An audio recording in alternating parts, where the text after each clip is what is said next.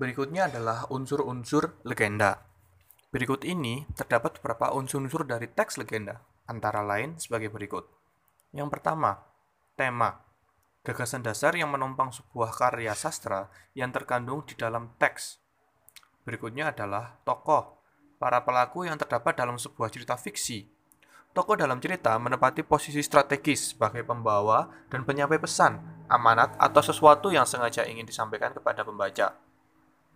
Alur atau plot, peristiwa-peristiwa yang ditampilkan dalam cerita yang tidak bersifat sederhana.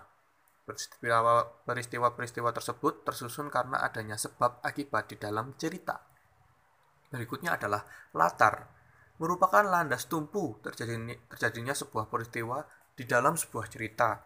Latar terbagi menjadi tiga, yaitu latar tempat, latar waktu, dan latar suasana. Berikutnya adalah sudut pandang. Sudut pandang merupakan posisi atau cara penulis dalam menyampaikan peristiwa-peristiwa yang terdapat di dalam sebuah cerita.